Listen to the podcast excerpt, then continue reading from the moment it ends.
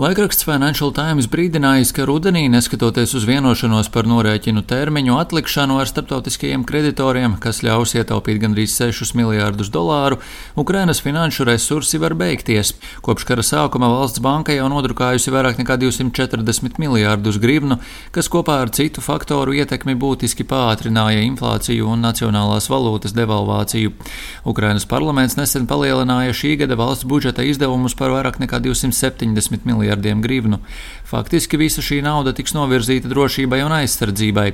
Tiek lēsts, ka šī gada izdevumi būs gandrīz divas reizes lielāki nekā bija paredzēts miera laika budžetā, un budžeta deficīts gada beigās varētu sasniegt 25% no iekšzemes koprodukta. Ukrainai daudz darāmā ne tikai militārajā, bet arī ekonomikas frontē. Jācer uz stingru starptautisko partneru palīdzības piešķiršanu, pašu ienākumu atjaunošanu, atdzīvinot uzņēmējdarbību un palielinot eksportu, jāietaupa uz nemilitāriem izdevumiem.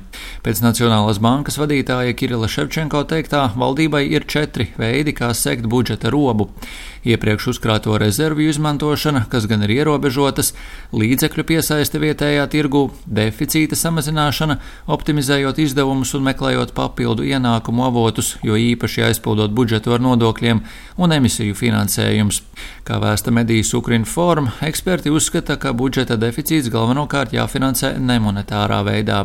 Paredzamais ārējais finansējums šī gada otrajā pusē ir 18 miljārdi ASV dolāru, kas ir liela summa, taču ievērojami mazāka par valsts vajadzībām. Kā raksta bijušais valsts bankas vadītājs Hoļeks Čurīs, lai novērstu ekonomisku nelaimi Ukrainā un saglabātu tās spēju cīnīties, sabiedrotajiem tuvākajā laikā ir ievērojami jāpalielina finansiālais atbalsts, izmaksājot aptuveni 4 līdz 5 miljārdus dolāru mēnesī. Tuvojoties rudenim, Ukrāņi tiek brīdināti par lielāku inflācijas kāpumu. Sagaidāms, ka Ukrainā pārtikas cenas var pieaugt par trešdaļu. Pārtikas krājumus varētu veidot arī septembrī, kad zemnieki sāks nolaist savām precēm cenas, jo viņiem vieglāk būs pārdot vairāk produkcijas cilvēkiem tagad nekā tērēt naudu to uzglabāšanai vēlāk. Situāciju ar pārtikas nodrošinājumu komentē Tirzniecības ķēžu piegādātāju asociācijas priekšsādātājs Oleksijs Dorošenko, kurš aicina Ukraiņus parūpēties par krājumiem augstajam gada periodam. Плюс цей врожай, думаю, що ми ще на два роки можемо spati і їсти спокійно. Vēl aptuveni divus gadus mēs varam labi gulēt. Varbūt pietrūks tikai atsevišķu kultūru, bet kopumā produktu pietiks. Ar produkcijas daudzumu problēmu nebūs, bet ar cenām gan būs Cepžīnšu. Ukrainai tik svarīgajai lauksaimniecības nozarei būtisks ir eksports, kas arī, protams, ir veids, kā valstī nopelnīt naudu. Kopumā pēc valsts statistikas dienesta datiem pirmajā pusgadā no Ukrainas eksportēto preču vērtība bijusi par 24% mazāka, bet būtiski kā atsācies graudu eksports no Ukrainas ostām pa Melno jūru. Cerības eksportā tiek liktas tieši uz lauksaimniecību, jo vietējā metalurģija kara laikā ievērojami cietusi un ar ātru eksporta potenciāla atjaunošanos šajā nozarē nevar rēķināties. Ukraina Ukrainas agrārās padomas priekšsādātāja vietnieks Denis Marčuks izteicies, ka graudu un eļļas augu sēklu eksporta rādītājs augustā var sasniegt 4 miljonus tonu, kas ir vairāk nekā 50% no pirmskara līmeņa. Viņš atzinis, ja Ukraina vēlas sasniegt pirmskara līmeni, Melnās jūras ostās mēnesī jāpiekrauj 80 līdz 100 kuģi.